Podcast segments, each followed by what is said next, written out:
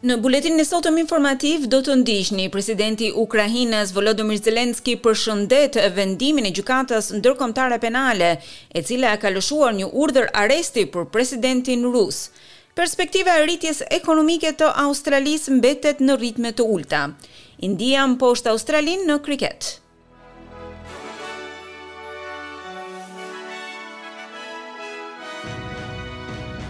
Fillojmë gjerësisht me lajmet. Presidenti ukrainas Volodymyr Zelensky ka përshëndetur vendimin e Gjykatës Ndërkombëtare Penale për të lëshuar një urdhër arresti për presidentin rus Vladimir Putin.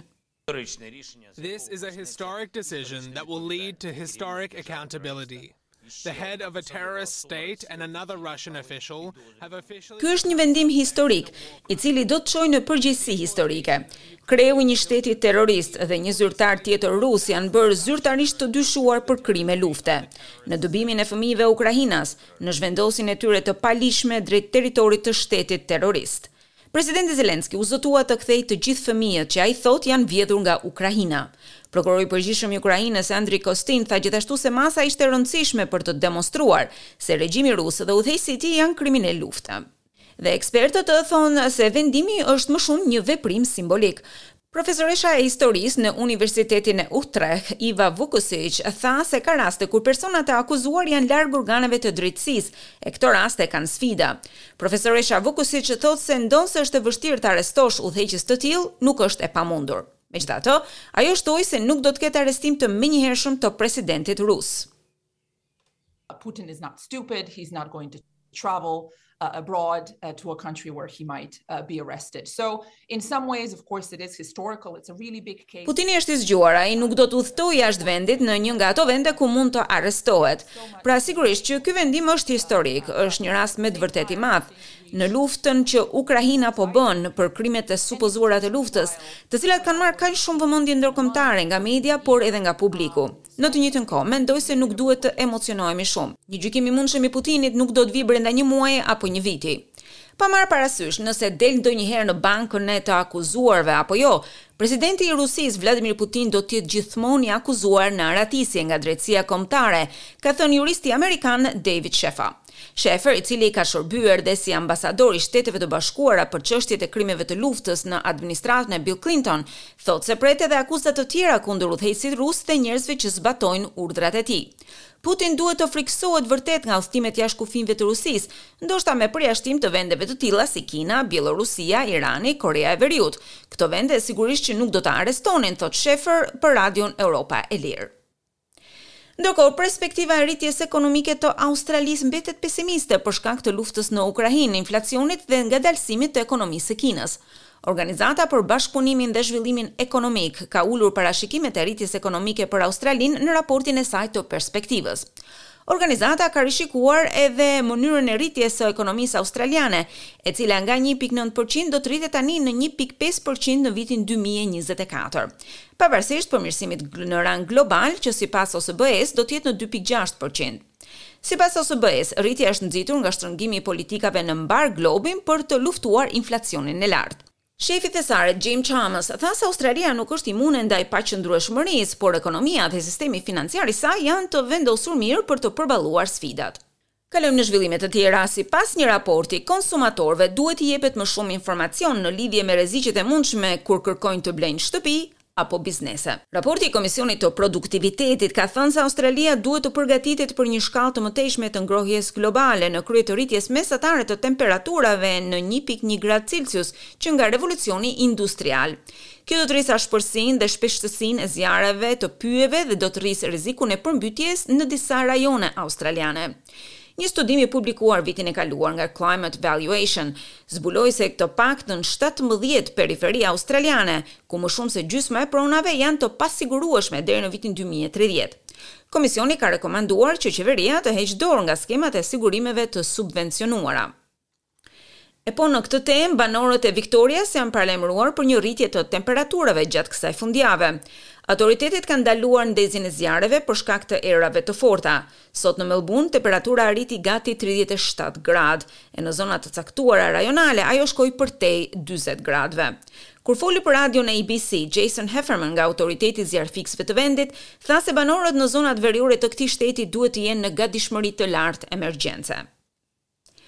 Në New South Wales janë hapur kutitë e votimit dhe analistët politikë thonë se rruga drejt fitores në zgjedhje do të varet nga zonat në perëndim dhe në jug të Sidnit.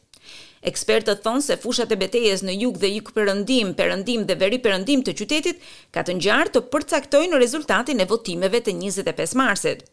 Ministri i New South Wales, Stuart Ayres, i tha Channel Nine se ka besim se ai do të ruajë pozitën e tij në Penrith. Kalojmë në Francë, një tjetër valë demonstratash ka nisur në kryeqytetin francez kundër planeve të qeverisë së vendit për të rritur moshën e pensionit. Policia u përlesh me protestues në Paris. Imazhet treguan policinë e cila ishte detyruar të përdorte gaz lotsjellës kundër zemërimit të turmës. Ndërkohë, trazirat e të premtes mbrëma pasuan çrregullime të ngjashme të enjten, pasi presidenti Macron vendosi të miratojë shtyrjen e moshës së pensionit pa votimet parlamentare. Qeveria e presidentit Emmanuel Macron dëshiron të rrisë moshën e pensionit të Francës me dy vite në gjashtëdhjetë e katër, si një masë thelbësore për t'u siguruar që sistemi të mbahet. Por shumica e popullatës, tetëdhjetë për qind të njerëzve janë të pakënaqur me këtë vendim për të anashkaluar votimet në parlament. E në Afrikë ekziston frika se pas ciklonit Fredi në Malawi mund të ketë një shpërthim tjetër të kolerës. Vendi i Afrikës Juglindore mendohej se e kishte mbajtur nën kontroll infeksionin, ndërkohë që vendasit dhe ekspertët e shëndetësisë kanë frikë se gjendja do të ndryshojë shumë shpejt.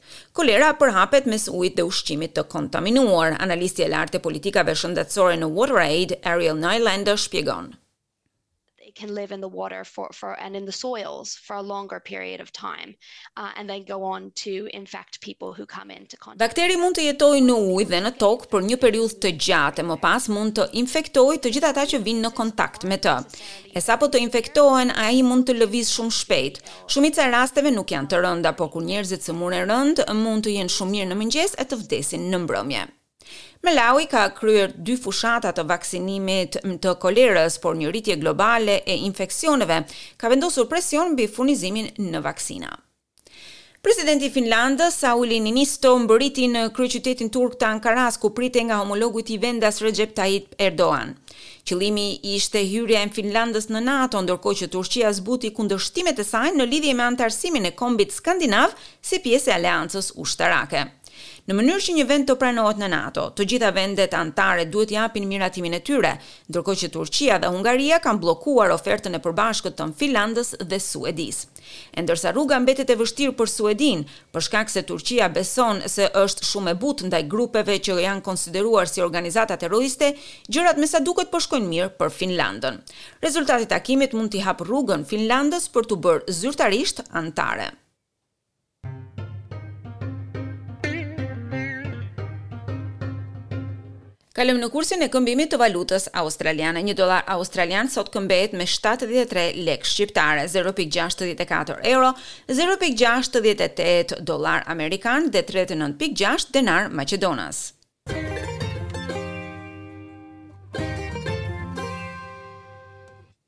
Kalojmë në sport, në kriket India ka mposhtur Australinë me një fitore në Mumbai. Australia u eliminua me njëqind e tetëdhjetë e tetë gola në tridhjetë e pesë pikë katër të premten.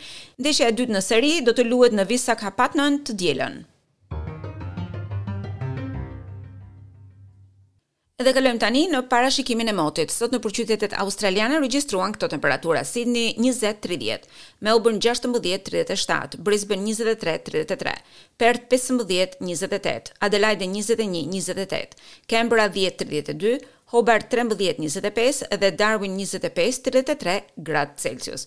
Për nesër byroja e parashikimit të motit sjell këto temperatura, Sydney njëzet, tridhjetë e dy, Melbourne shtatëmbëdhjetë, njëzet e një, Brisbane njëzet e tre, tridhjetë e dy, Perth pesëmbëdhjetë, tridhjetë e tre, Adelaide gjashtëmbëdhjetë, njëzet e shtatë, Canberra katërmbëdhjetë, tridhjetë e shtatë, Hobart katërmbëdhjetë, njëzet e një, Darwin njëzet e katër, tridhjetë e dy, gradë Celsius. Ndoqët edicionin informativ.